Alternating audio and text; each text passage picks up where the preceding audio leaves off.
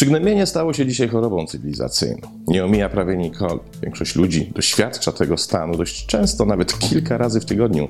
I na szczęście w wielu przypadkach po jakimś czasie samo przechodzi.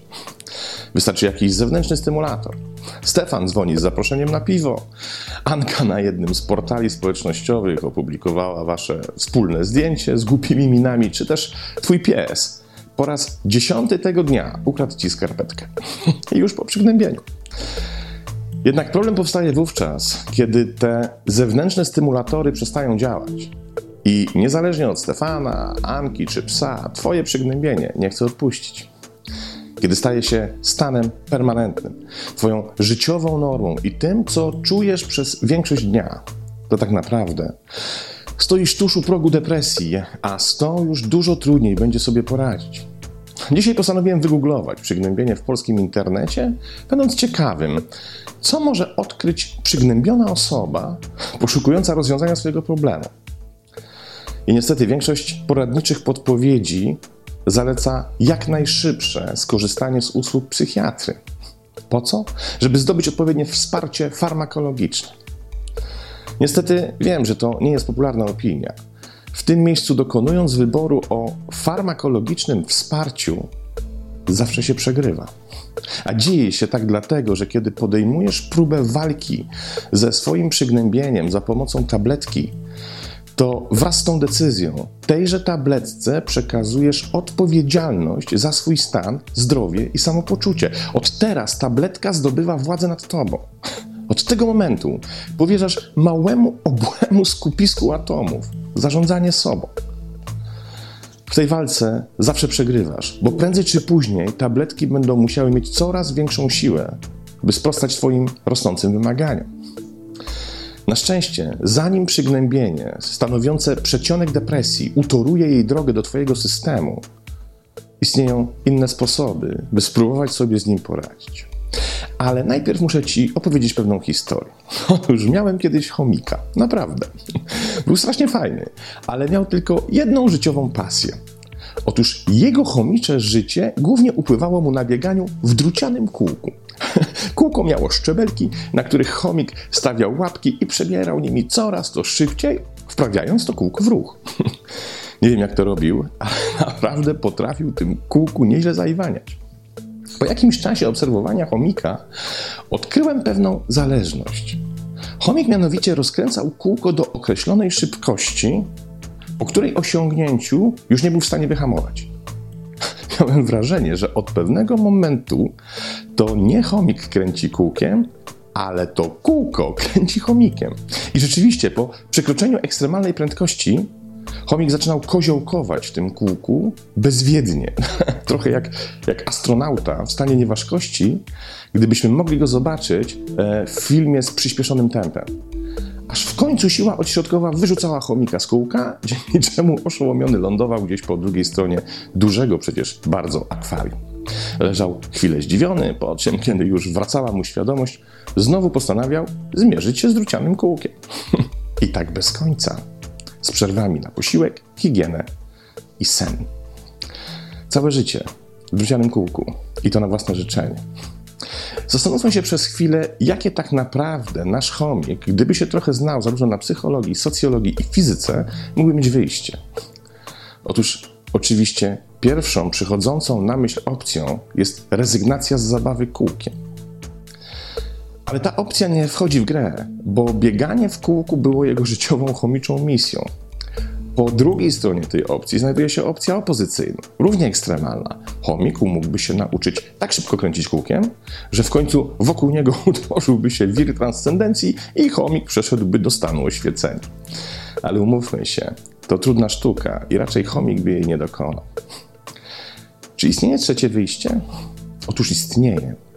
W tym wyjściu chomik musiałby się nauczyć kontrolować ruch wirowy kółka, manipulując jego szybkością w taki sposób, by łapki mu się już nie plątały i by jego kółkowy bieg nie przypominał biegu szaleńca po rozżarzonych węglach, ale z gracją stąpającego rumaka. żeby to wyjście stało się możliwe, chomik musiałby nauczyć się robić jedną rzecz. Musiałby co jakiś czas wychodzić na chwilę z kółka, by zaobserwować, w jaki sposób to kółko kręci się bez niego. Dopiero ta zewnętrzna obserwacja stworzyłaby możliwość regulacji. Chomik, patrząc z zewnątrz na kręcące się kółko, mógłby w miarę precyzyjnie ocenić, jak w nim trzeba biec, by to on kręcił kółkiem i by to kółko nie kręciło nim. Zewnętrzna obserwacja ustawia chomika w roli eksperta od samego siebie, który nagle odkrywa: A, to w taki sposób działa. Dopóki chomik biegnie w kółku, nie widzi niczego poza szybko przewijającymi się przed jego oczami szczebelkami. Kiedy jednak kółko zaczyna się kręcić zbyt szybko, szczebelki zlewają się w oczach chomika w jeden rozmyty obraz, a im dłużej chomik usiłuje biec, tym dłużej ten obraz przed jego oczami się utrzymuje. No dobrze, odpuśćmy już sobie ten przydługi przykład chomika, ale już pewnie się domyślasz, czemu go użyłem. Teraz podmień, proszę, w powyższym przykładzie pod słowo chomik słowo ja, pod słowo kółko twoje życie, zaś pod słowo szczebelki wszelkie troski, stresy, zmartwienia, przeciwności losu, kłody, które znajdujesz pod swoimi nogami i wszystko to, co stanowi generator Twojego przygnębienia. Kiedy biegniesz w kręcącym się życiowym kółku, to tak naprawdę niewiele możesz zrobić. To kółko będzie się kręcić, to Ty wprawiasz go w ruch z każdym postawionym przez Ciebie krokiem. Niezależnie od tego, czy zmierzasz do pracy, czy na trudne spotkanie, czy y, na rodzinny obiad do własnych rodziców. Z każdym Twoim ruchem obraca się również to Twoje druciane życiowe kółko. Będąc w środku tego ruchu, nie masz zbyt wiele możliwości i co najważniejsze, nie masz najmniejszej ostrości widzenia. Musisz chociaż na chwilę wyjść z kółka, zobaczyć je, jak się kręci bez Twojego udziału. Nie da się zobaczyć siebie w kółku, będąc w jego środku. To jak nie da się podnieść wiadra, w którym się stoi, i nie da się podnieść się samemu w górę, ciągnąc się za własne sznurówki. No dobrze powiesz, ale jak to zrobić? Jak wyjść na chwilę z życiowego kółka kręcących się stresów, niespełnionych oczekiwań, niezrealizowanych zamierzeń, tej niedoskonałej rzeczywistości? Znam na to dwa sposoby. Pierwszy sposób wykorzystuje dwie, wydawałoby się, odległe od siebie właściwości naszego mózgu kognitywną i imaginatywną. Polega on na spojrzeniu na siebie z perspektywy pozbawionej identyfikacji z naszym własnym ego, czyli transpersonalnej. To trochę tak, jakby na chwilę zatrzymać czas, wyjść z kółka, pociągnąć łyk kawy i skonstatować, przyglądając się kółku i osobie, która w nim biegnie z odległej, obcej perspektywy. Ach, to tutaj biegasz. To widzenie siebie z takiej perspektywy, jakby problemy, które cię dotykają, troski, niepowodzenia i stresy dotyczyły nie ciebie, ale obcej ci osoby, jednak takiej, której dobrze życzysz. Spróbuję ci to pokazać na prostym przykładzie. Wyobraź sobie, że jesteś na fajnej imprezie dynamicznie się rozwijającej, fascynującej. Ludzie się bawią, tańczą, popijają ulubione trunki, rozmawiają, są wyluzowani, uśmiechnięci i odrobinę również szaleni. Ty również bierzesz udział w tym małym szaleństwie i czynisz to z dużą dozą akceptacji co do tego, że przecież tego wieczoru można sobie pozwolić na więcej niż normalnie. I nagle w rogu sali widzisz jakąś znaną ci osobę.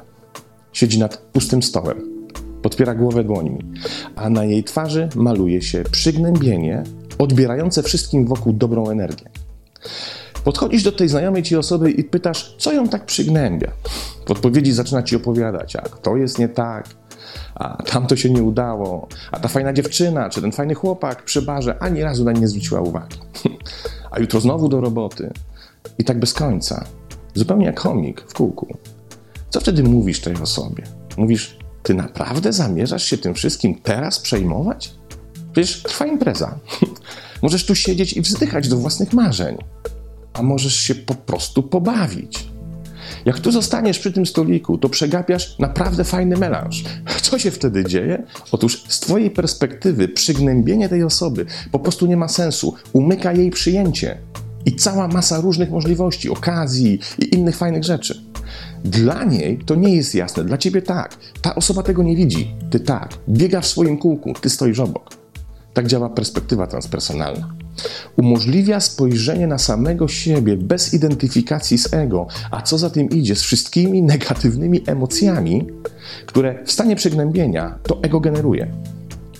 W środku kółka może być wyłącznie gorzej, bo przychodzi moment, w którym podobnie jak moim chomikiem, rozpędzone kółko zaczyna kręcić tobą, odbierając ci kontrolę.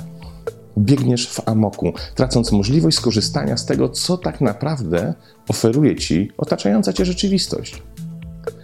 Szalony imprezowy melanż, no przy tym mały pikuś.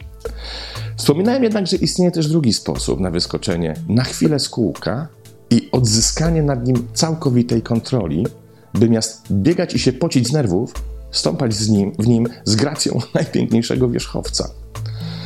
To medytacja. Do niej już nie potrzebujesz ani zdolności kognitywnych, ani imaginatywnych. Obydwie te zdolności są konstruktami umysłu. W medytacji umysł bardziej nam przeszkadza niż pomaga. Jak twierdzą mędrcy wschodu, istnieje umysł i natura umysłu. Umysł to chmury płynące przez nieboskłon. Natura umysłu jest czystym niebem. Nie znam nikogo, kto regularnie medytuje i kto jednocześnie doświadcza permanentnego przygnębienia. Ciekawe, prawda? Pozdrawiam.